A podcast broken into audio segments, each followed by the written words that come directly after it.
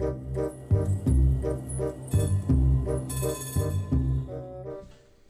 Bij Koolsingel Praten, een podcast over Rotterdamse politiek van Vers Beton en Open Rotterdam. Met deze keer een tweede verkiezingsspecial. We bespreken met enkele redacteuren wat ons opviel aan de uitslagen van de Rotterdamse gemeenteraadsverkiezingen. Het is nu maandagmiddag 21 maart en deze ochtend maakte burgemeester Abu Taleb als voorzitter van het Centraal Stembureau de einduitslag van de gemeenteraadsverkiezingen bekend. Welkom luisteraars, wij zitten hier wederom op de redactie van Vers Beton in de keuken wel te verstaan. Ehm, in de Gouvernestraat met eh, politieke junkies uit de redacties van Open en Vers Beton. Naast mij zitten Nigel van Schaik, Goedemiddag. Sharaifa Bageloe Hoi hoi. en Lauren Verbrug van Open Rotterdam. Hoi!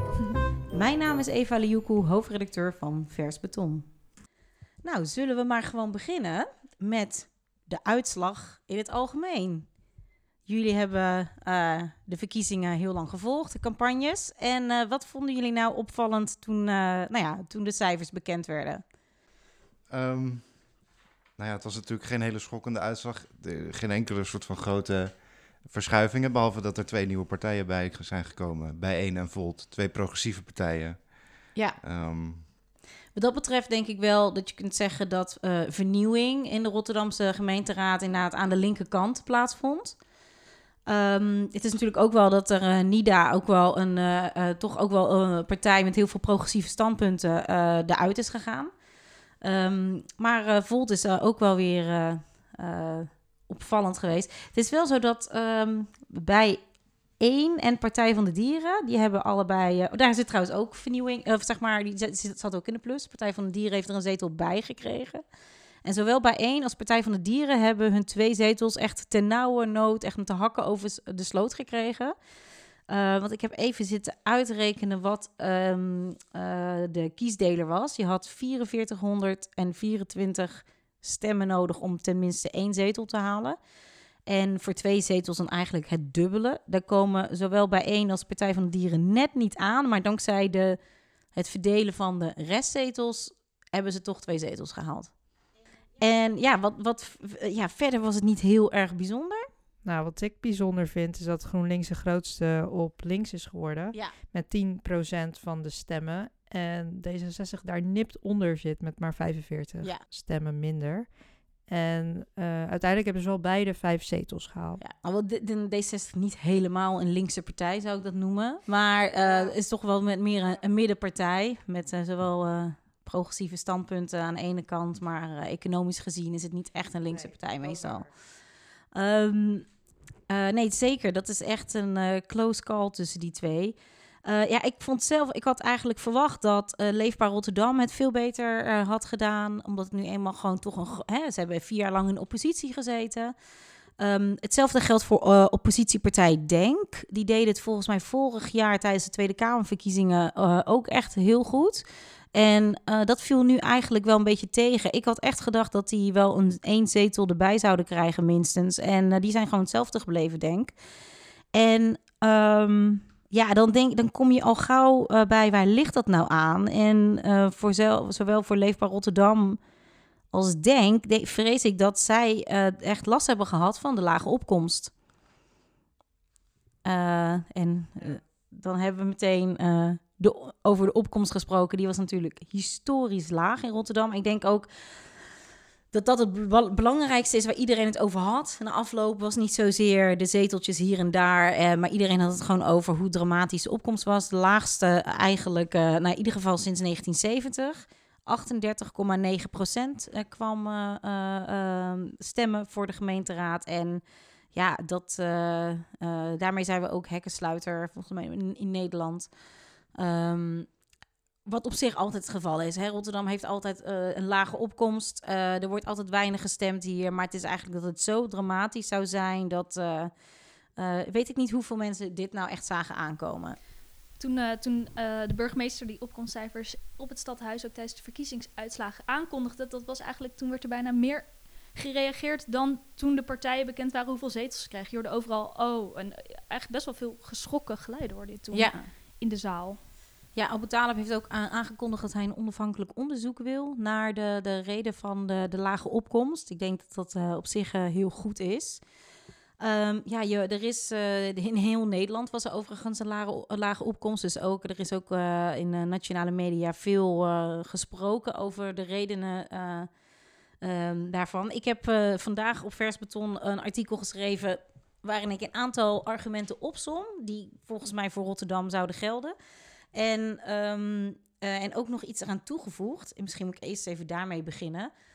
Nou, nee, ik denk eigenlijk dat een belangrijke reden dat er weinig eh, mensen zijn gaan stemmen in Rotterdam toch ook te maken heeft met iets wat wij een week geleden in deze podcast al constateerden. Was dat het gewoon een hele matte, tamme campagne was.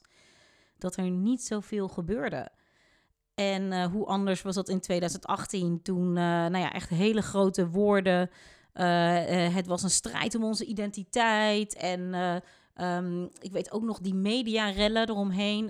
Ik weet nog dat de PVV dan naar Rotterdam kwam om zich bekend te maken naast de moskee. Dus dat was op zich ook al een soort van media-event. Ehm, ik weet ook nog dat er heel erg veel landelijke media toen naar Rotterdam keken. En dat er heel veel nationale media-aandacht was voor onze stad. Dat was er nu allemaal niet. Eh, ik had wel de indruk dat heel veel nationale media nu ook wat meer... Nou ja, de provincie buiten de Randstad eh, keken, wat op zich heel goed is. Uh, maar dat is denk ik, Rotterdammers hebben wel een beetje van die ja, aandacht nodig. En ook dat er gewoon weinig echt ideologische strijd was. Dat de leefbaar had de strijdbel een beetje uh, laten liggen. Hoe zeg je dat? Begraven. Um, hè, die wilde, dat, dat heeft Chris Alberts op Versbeton ook um, geanalyseerd. Van ja, zij willen gewoon heel constructief zijn. Ze willen absoluut meeregeren. Ze stellen zich maximaal constructief en flexibel op. En daardoor was er dus aan die kant weinig strijd. Datzelfde gold voor Denk. Die wilden ook graag mee. Ze willen ook een kans maken op een plek in het bestuur. Ja, en dat zijn dan toch de twee... Als je en zes partijen hebt uit de regenboogcoalitie... die natuurlijk nooit heel hard elkaar gaan aanvallen...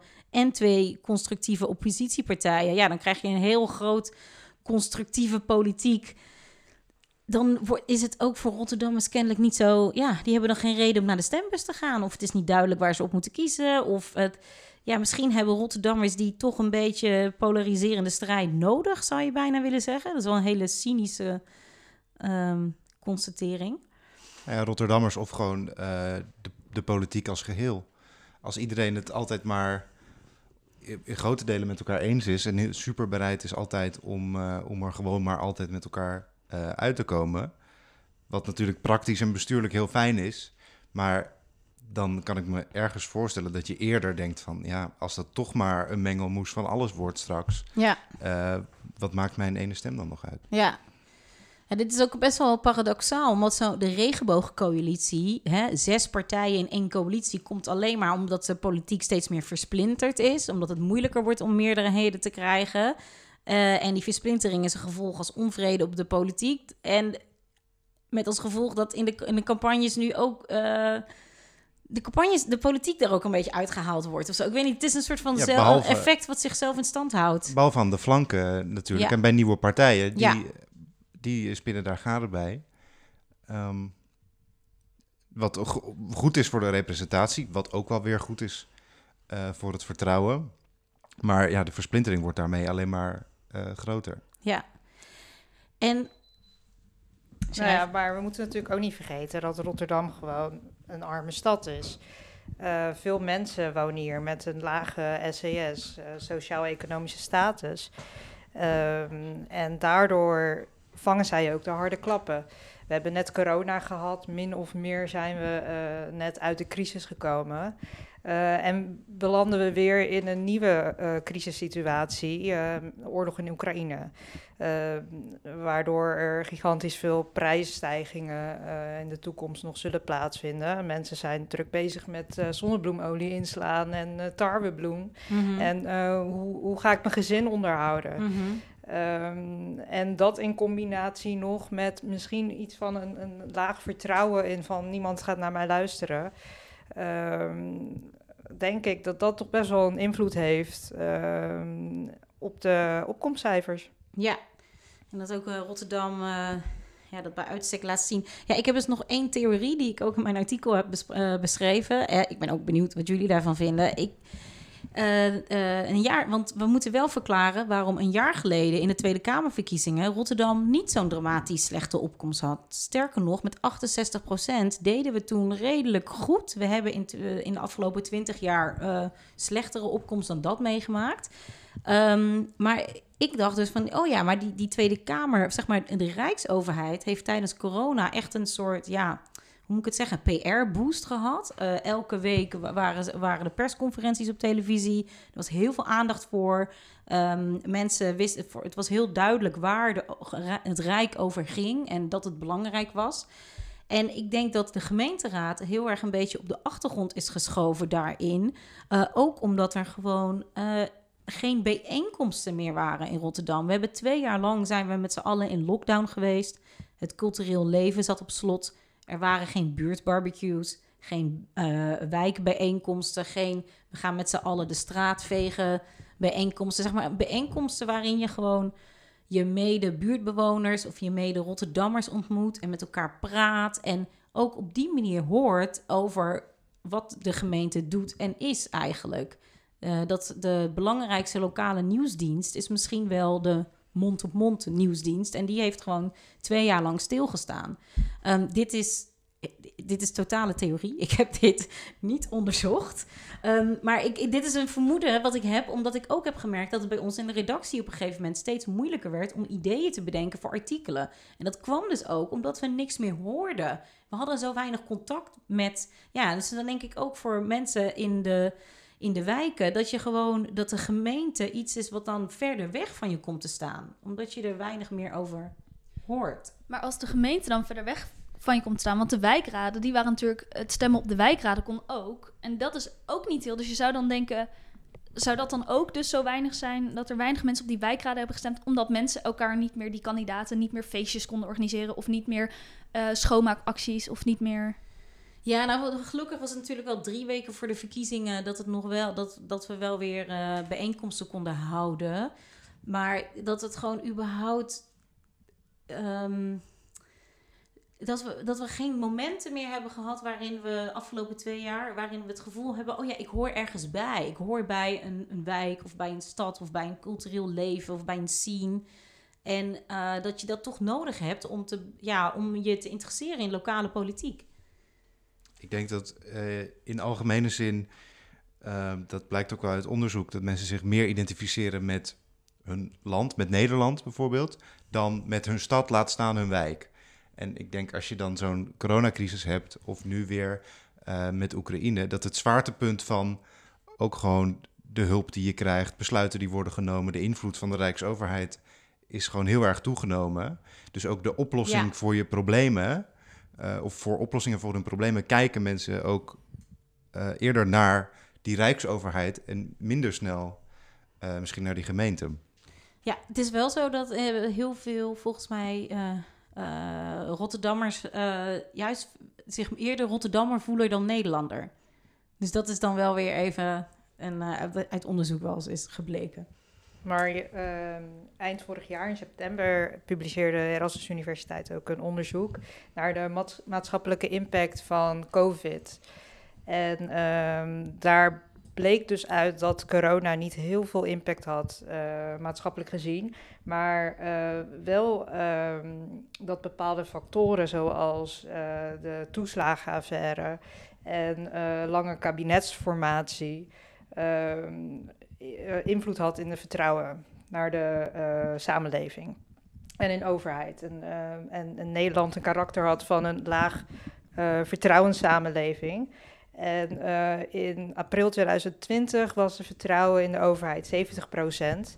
En die was gedaald in september 2021 naar 30 procent. Dus dat is natuurlijk echt een gigantische keldering. Dat is nou wel nationaal.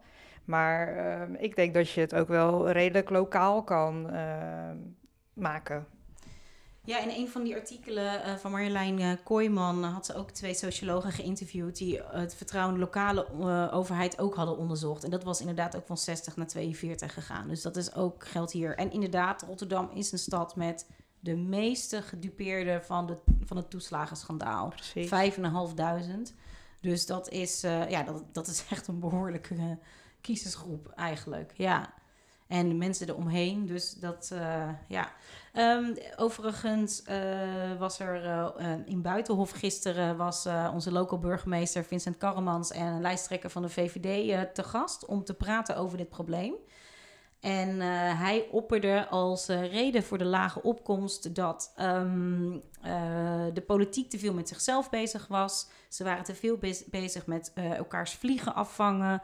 Um, er was een te grote nadruk op een afrekencultuur, uh, waardoor uh, politici te veel met processen bezig zijn en te weinig met uitkomsten.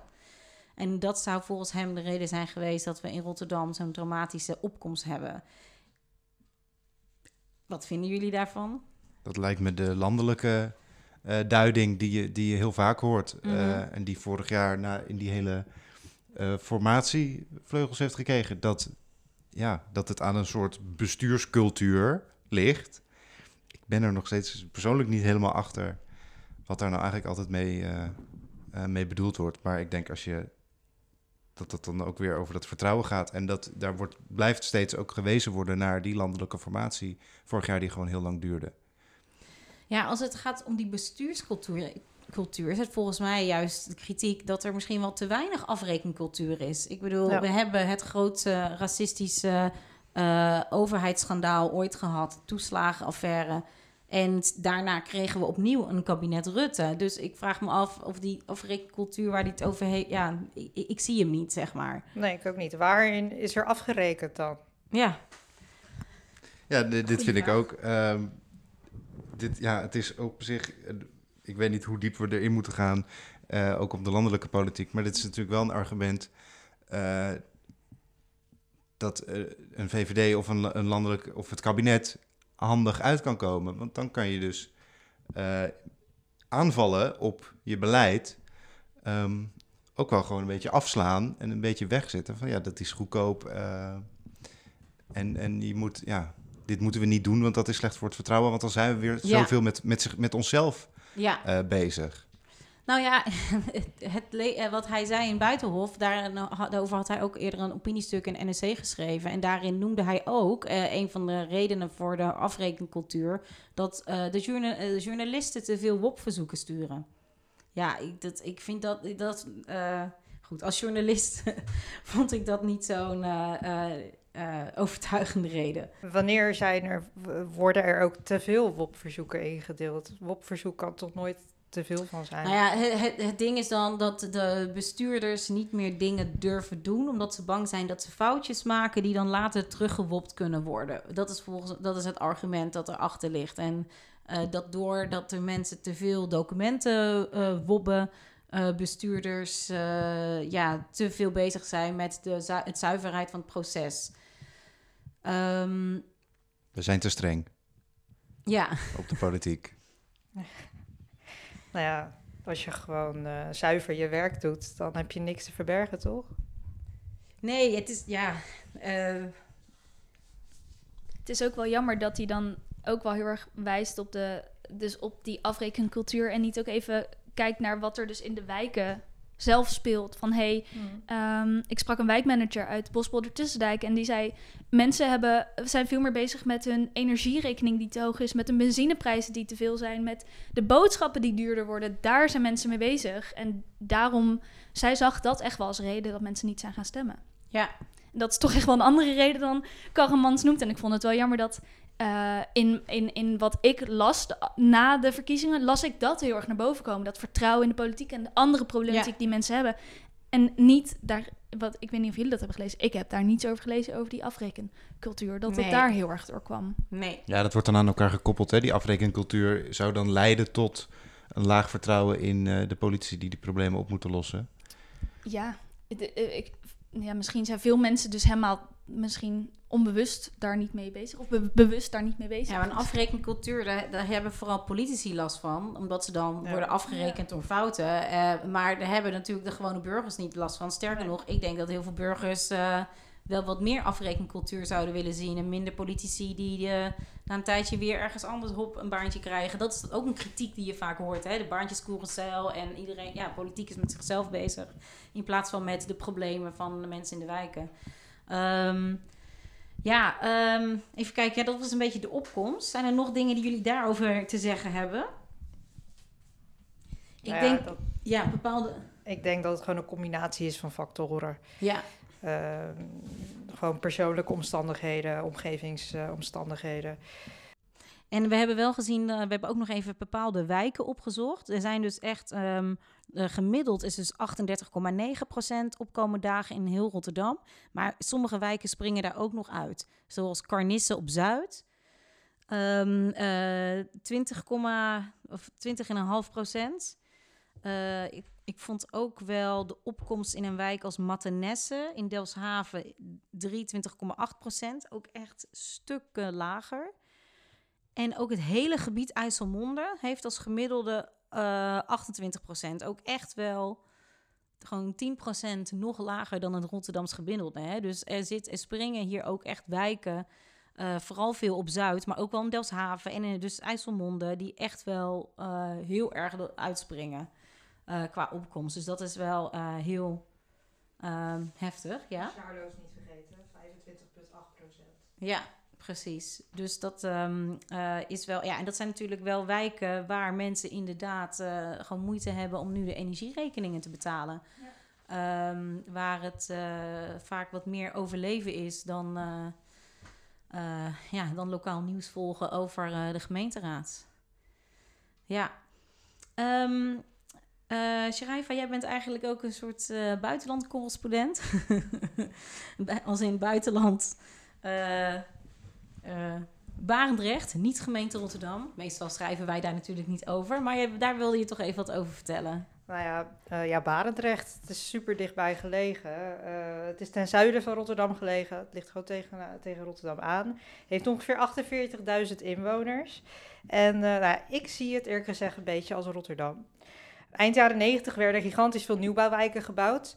En, en toen trokken er heel veel Rotterdammers daarheen. Ja. Nog steeds overigens. Maar er is meer. Eh, lijsttrekker van Echt voor Barendrecht, Lennart van der Linden, is in de, tijdens de gemeenteraadsverkiezingen van 2018 uiteindelijk de eh, grootste partij geworden. Met 14 zetels. 14 zetels van de 29 in totaal. Dus ze vormden toen eh, net geen meerderheid. En uiteindelijk zijn toen de andere partijen. Een eh, monsterverbond wordt het ook al in de regio genoemd. een eh, monsterverbond gaan vormen en hebben ze toen gewoon buitenspel gezet. Dus eh, toen is echt voor Rotterdam, of voor, echt voor Rotterdam, echt voor Barendrecht, is toen in een uppie positie gaan voeren. Vervolgens is lijsttrekker Lennart van der Linden de landelijke politiek ingegaan. Is hij naar Forum gegaan. En eh, in 2019 werd hij ook Eerste Kamerlid en vicevoorzitter van de Forumfractie. In 2020 kwam toen eh, die Forumrel. En dan denken jullie, welke van de tig Forumrellen? Ja. Nou, ik heb het over de rel toen er eh, antisemitische uitspraken uit zo'n appgroepje van Jong Forum werden ontdekt. En er een brief werd geschreven van een forumlid naar het partijbestuur over een diner waarin Thierry Baudet toen ehm, racistische en antisemitische uitspraken eh, deed. Andere partijleden bevestigden dat ook. Toen stapte Baudet dus op als partijvoorzitter en niemand minder dan lijsttrekker Lennart van der Linden volgde hem toen op. Oh. Ja, ad interim. Maar uiteindelijk werd er een digitale partijreferendum gehouden en toen mocht Baudet aanblijven. En uiteindelijk, eh, dus echt na een paar weken, was Lennart van der Linden dus geen partijvoorzitter meer. En een eh, groepje leden keerde Baudet de rug toe, waaronder Joost Eertmans. En ja, 21 werd geboren. Vervolgens is lijsttrekker van Echt voor Barendrecht, Lennart van der Linden, dus eh, ook naar Ja 21 overgestapt. Oké. En nou, terug naar de gemeenteraadsverkiezingen. Wat is er nu gebeurd? Nou, ze werden dus in 2018 buitenspel gezet, hebben solo oppositie gevoerd. Maar deze keer hebben ze maar liefst 20 zetels gehaald. 60% van de stemmers van Barendrecht hebben op ehm, Echt voor Barendrecht gestemd. Dat is echt Echt ongelooflijk. veel. eh, zes zetels erbij ten opzichte van 2018. En dat wil dus zeggen dat de partij alleen al de meerderheid vormt, de absolute meerderheid. En uh, ja, dit zie je zelden gebeuren.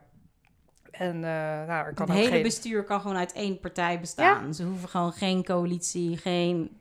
Ja, nee, er kan echt, geen uh... monsterverbond meer uh, gevormd worden. Toch laat Van der Linden weten dat hij toch in gesprek met andere partijen wil gaan. ja, ook al heeft hij min of meer nu de absolute macht. In tegenstelling tot de opkomstcijfers uit de meeste gemeenten, die zijn gedaald zie je dat de opkomstcijfers in Barendrecht zijn gestegen ten opzichte Oh. van 2018. De opkomst was 56,9 procent. En dat is dus een stijging van eh, meer dan 1 procent eh, tegenover eh, 2018. Ja, dus er zijn meer mensen gaan stemmen in Barendrecht. En er hebben ook meer mensen op echt, echt voor Barendrecht gestemd. Oké, en is hij nou nog steeds verbonden aan Ja 21? Ja. Oké, al in de Eerste Kamer. Ja, hij is, hij is ook nog Eerste Nou, Kamer. heeft hij een drukke baan. Dat, eh, Ja. Heel druk, ja. Ja, heel Barendrecht runnen in je eentje. En Ja. eh, nog in de Eerste Kamer. Wel lekker snel proces hebben ze daar nu. ja. Nou ja, tenzij is toch nog geen, met eh, andere partijen wil ja. praten. Komen jullie wel eens in Barendrecht? Eh, nee, nooit. Ikea. Ja, precies. Dus als ik aan Barendrecht denk, denk ik aan Ikea. En Phoenixwijk op Phoenixwijk. Ja. Maar er zijn natuurlijk inderdaad Baren, ja, heel veel mensen die in Barendrecht wonen, die in Rotterdam wonen, eh, werken bijvoorbeeld. Dat is natuurlijk heel veel eh, verkeer. Ik had wel op mijn middelbare school, en die is gewoon in Noord, maar daar zaten ook gewoon kinderen uit de klas die in Barendrecht woonden en gewoon elke dag de Brienenoord overkwamen fietsen en zo. Dat, eh, ja. Nou, Ja, ik ben dan wel heel benieuwd naar de bestuurscultuur voor Barendrecht de komende jaren. Zeker. Daar gaan ze geen, daar wordt, dat wordt geen ruzie of vliegen af. Ja, of wel. Nou, ik heb hun partijprogramma ook een beetje bekeken. En ze hebben dus een aantal onderwerpen, ja, zoals veiligheid, eh, ouderen. En dan hebben ze een tien-stappenplan voor elk van die onderwerpen. En eh, eh, ze willen drie ton besparen op wethouders. Ze hebben zes wethouders momenteel en ze willen er twee schrappen.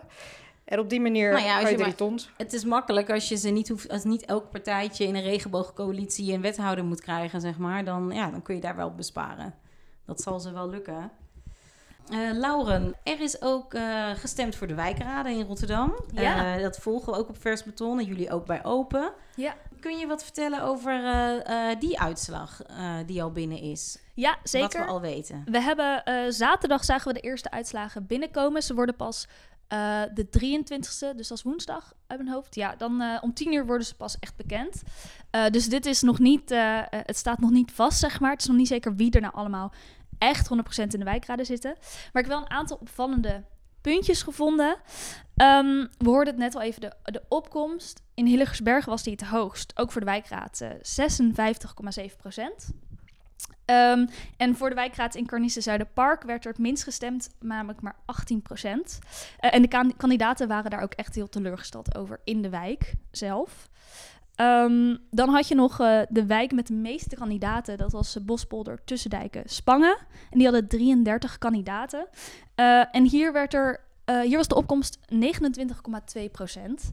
Ehm, nou, dus voor zoveel kandidaten zou je denken, nou dan gaat iedereen die dan heel die familie en alle vrienden, Ja. familie, maakt niet uit, gaan ook allemaal op stemmen. Maar er werd dus zelfs ook gezegd door de wijkmanager uit Botu van ja, eh, heel veel mensen zijn niet gaan stemmen op de wijkraad, want die kenden niemand die op de lijst stond. Dus zelfs met 33 personen in een wijk die op de lijst staan, zijn er mensen die niet iemand kennen of niet zich geroepen voelen om, eh, om te gaan stemmen. Wat wel heel jammer is, denk ik. Ehm, dan was er nog, eh, er gingen geruchten door de wandelgangen. Eh, je had namelijk de num- nummeringen. Ehm, en eh, dus je had nummer 1 tot en met bijvoorbeeld 33. En er was al van tevoren een beetje tumult. Want ja, die 1, dat is puur gelood. Maar voor andere mensen kan het misschien overkomen dat die persoon de beste is. Of dat Ja. die persoon, die staat Net, bovenaan. net als gewoon als je, als je stemt voor een partij Bijvoorbeeld. voor de gemeenteraad, dan is nummer, dan als je het niet weet, als je ze niet kent, dan stem je gewoon op nummer 1 Precies. vaak, want dan, hè? dat is wel veilig. Of je de volgt laatste. partijlijn. Het schijnt dat de eerste en de laatste, dat is de beste plek waar je op kan staan. Ja. Ehm, dus we hebben even gekeken van, hey, is dat dan ook de mensen met de meeste stemmen? Zijn dat dan de nummer één? Eh, eh, is dat dan de nummer één? Dat was, een- ja, soms wel, s- soms niet, vaak wel, maar dat kun je niet helemaal één op één tot nu toe zeggen dat de nummer één ook echt de meeste stemmen hebben gekregen. Ehm, maar het is wel in ieder geval opvallend. Ehm, Daarnaast heeft de Annemoon Wanders uit de Lageland, Prinsland, Schraafland... die heeft maar liefst, moet ik het goed zeggen, 2858 stemmen behaald. Zo. Dus dat is echt heel veel. Als me, dat zijn de meeste stemmen. Ja, als Ehm, zij op een partijlijst had gestaan, eh, had ze een voorkeurstem en was ze gewoon in de gemeenteraad terechtgekomen. Nou, misschien moet ze dat, als ze dit hoort, moet ze dat ook maar misschien gaan doen. Want er zijn dus blijkbaar mensen die eh, op haar willen stemmen.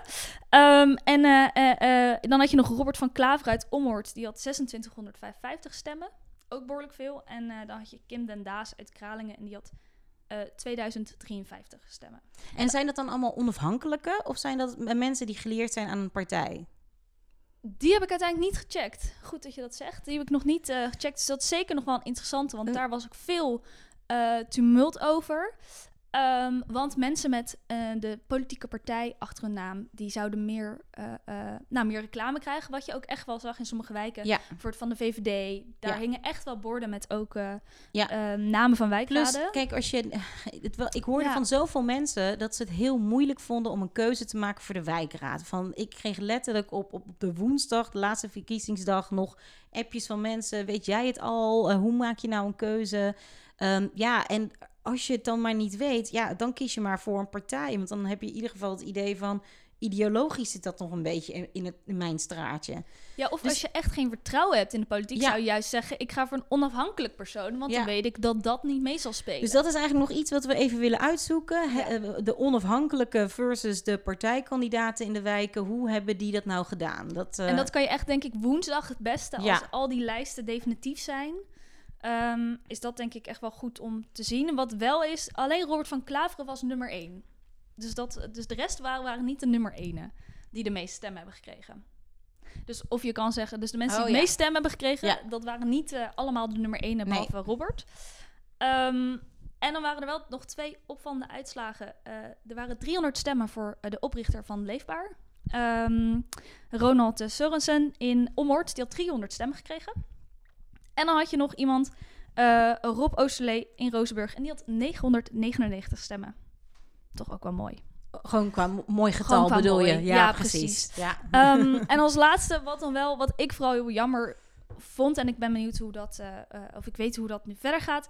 Er hebben dus ne- 619 inwoners van Rotterdam zich bereid gevonden om op de kandidatenlijst te gaan staan, wat Ja. echt heel veel was. Ja. De, de wethouder van, eh, van dit project, eh, eh, voor mij, die noemde het zelfs een feestje voor de democratie.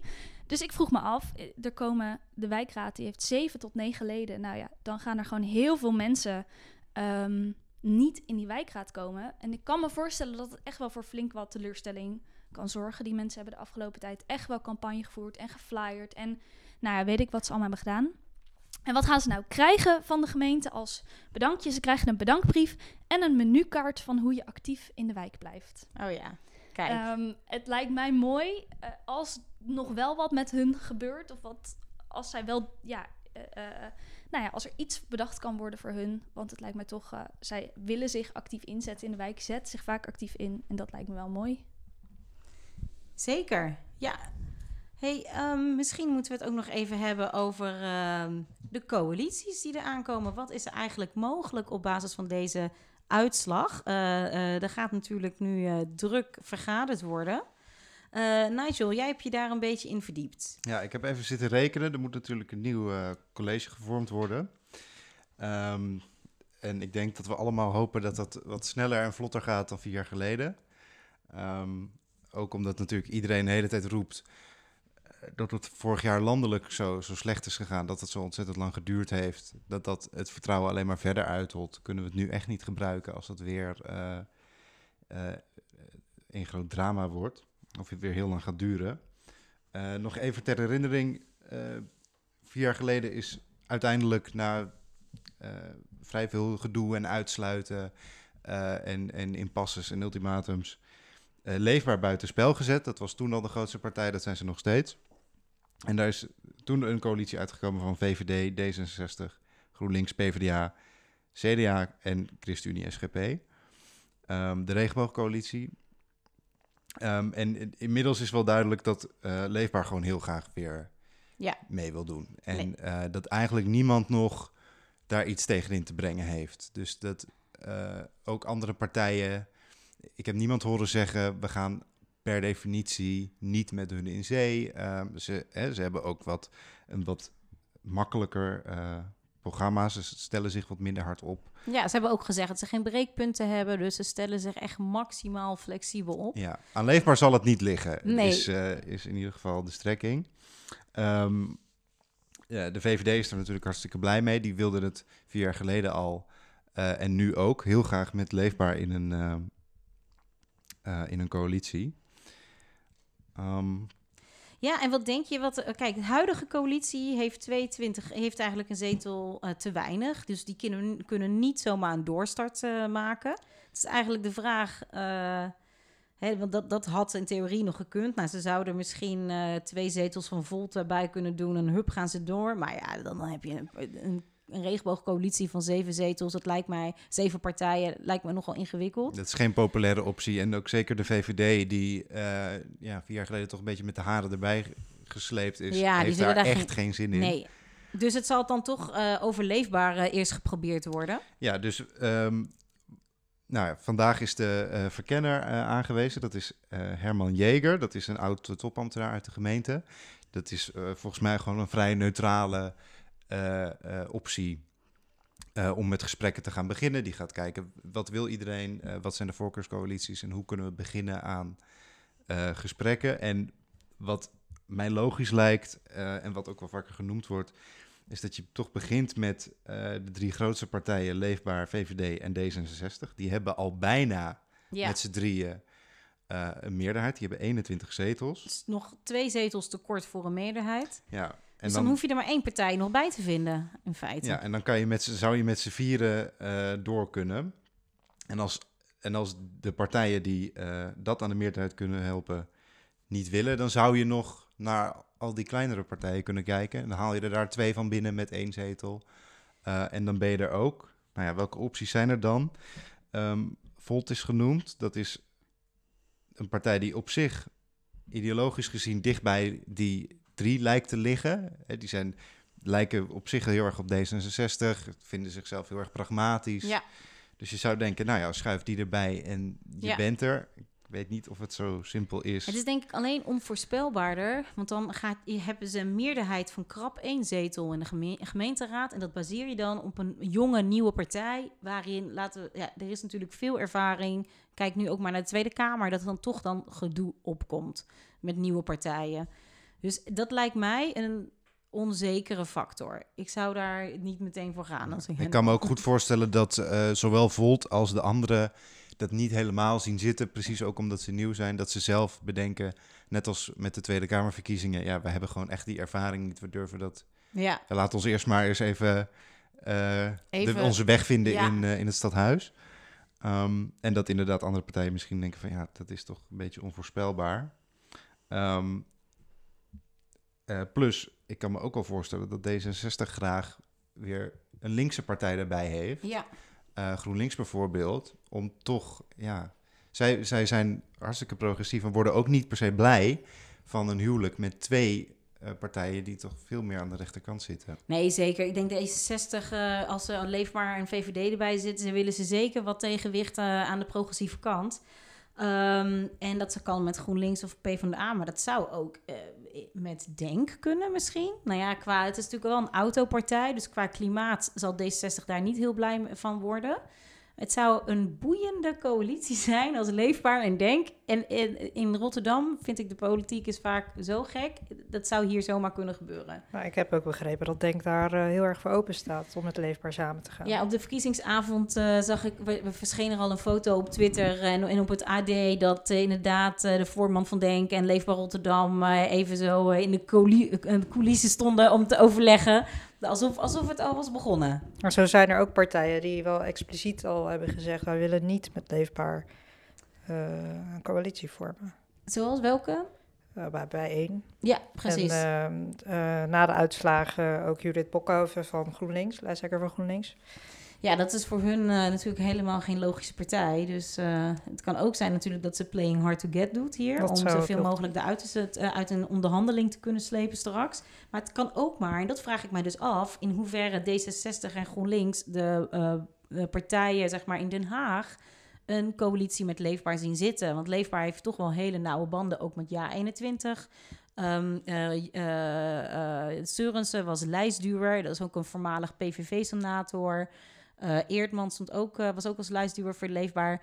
Dus ze zijn wel heel constructief. Maar weet je, uh, hoe komt dit over? hoe gaan ze dit ook weer kunnen verkopen landelijk? En dat, er gebeuren wel eens dingen dat er lokale wel, mensen welwillend zijn... maar ze toch van bovenaf worden teruggefloten. Ja, Leefbaar is ook wel de partij die expliciet in hun partijprogramma heeft staan... dat ze de Gay Pride in Afrikaanderwijk willen gaan starten. Ja, maar goed, dat zouden ze natuurlijk gewoon... Uh, uh, ja, dat moet je er maar doorheen krijgen in de coalitieonderhandeling. Ja. Um, ja het, is, het is gewoon echt nog geen uh, gelopen race. ik, ik sluit het zelf ook helemaal niet uit dat het nog wel even gaat duren... om te kijken wat voor coalitie er moet komen. Maar er zijn wel gewoon echt heel erg veel opties. Simon zei het ook al.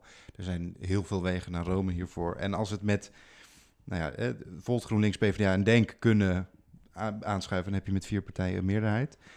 Um, en als het allemaal, stel dat dat allemaal niet lukt, dan zou je ook nog CDA en ChristenUnie erbij kunnen pakken. Ja, die zijn denk ik altijd. Dan heb je, en dan heb je, maar D66 gaat dat echt niet willen. Dus ik, zij gaan opnieuw. Uh, dat denk je of dat weet je? dat denk ik. Dat denk je.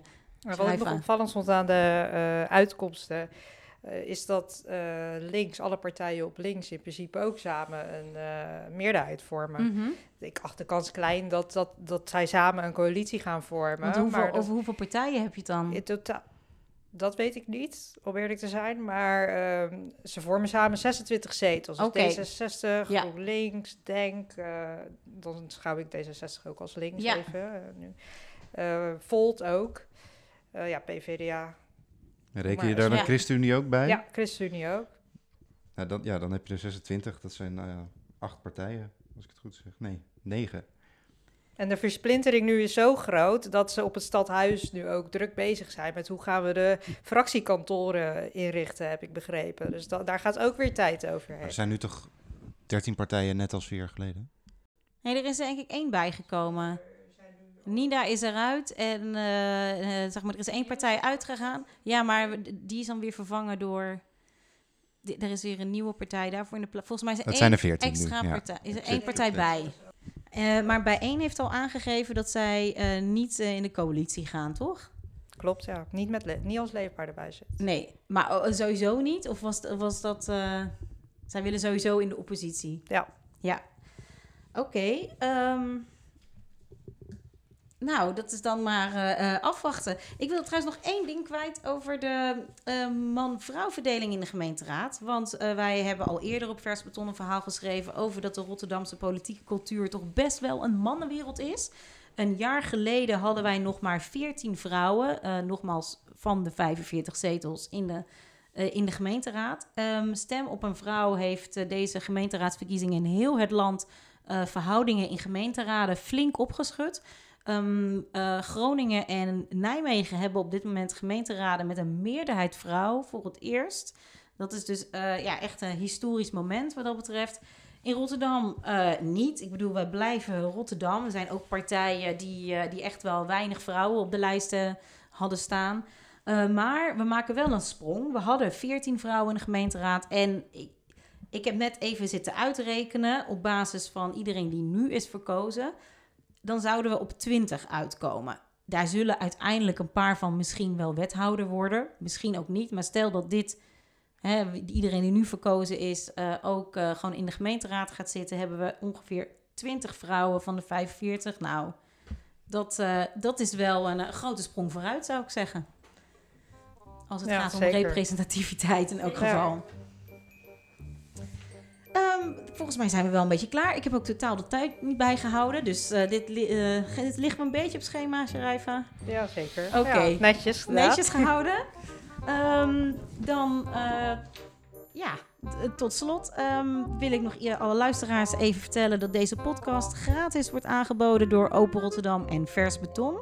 Vers Beton is het tijdschrift voor de harddenkende Rotterdammer. En wil je alles lezen van Vers Beton, word dan lid. Dat kan vanaf 7,50 euro per maand. En je kunt het ook gewoon één maand proberen voor 1 cent.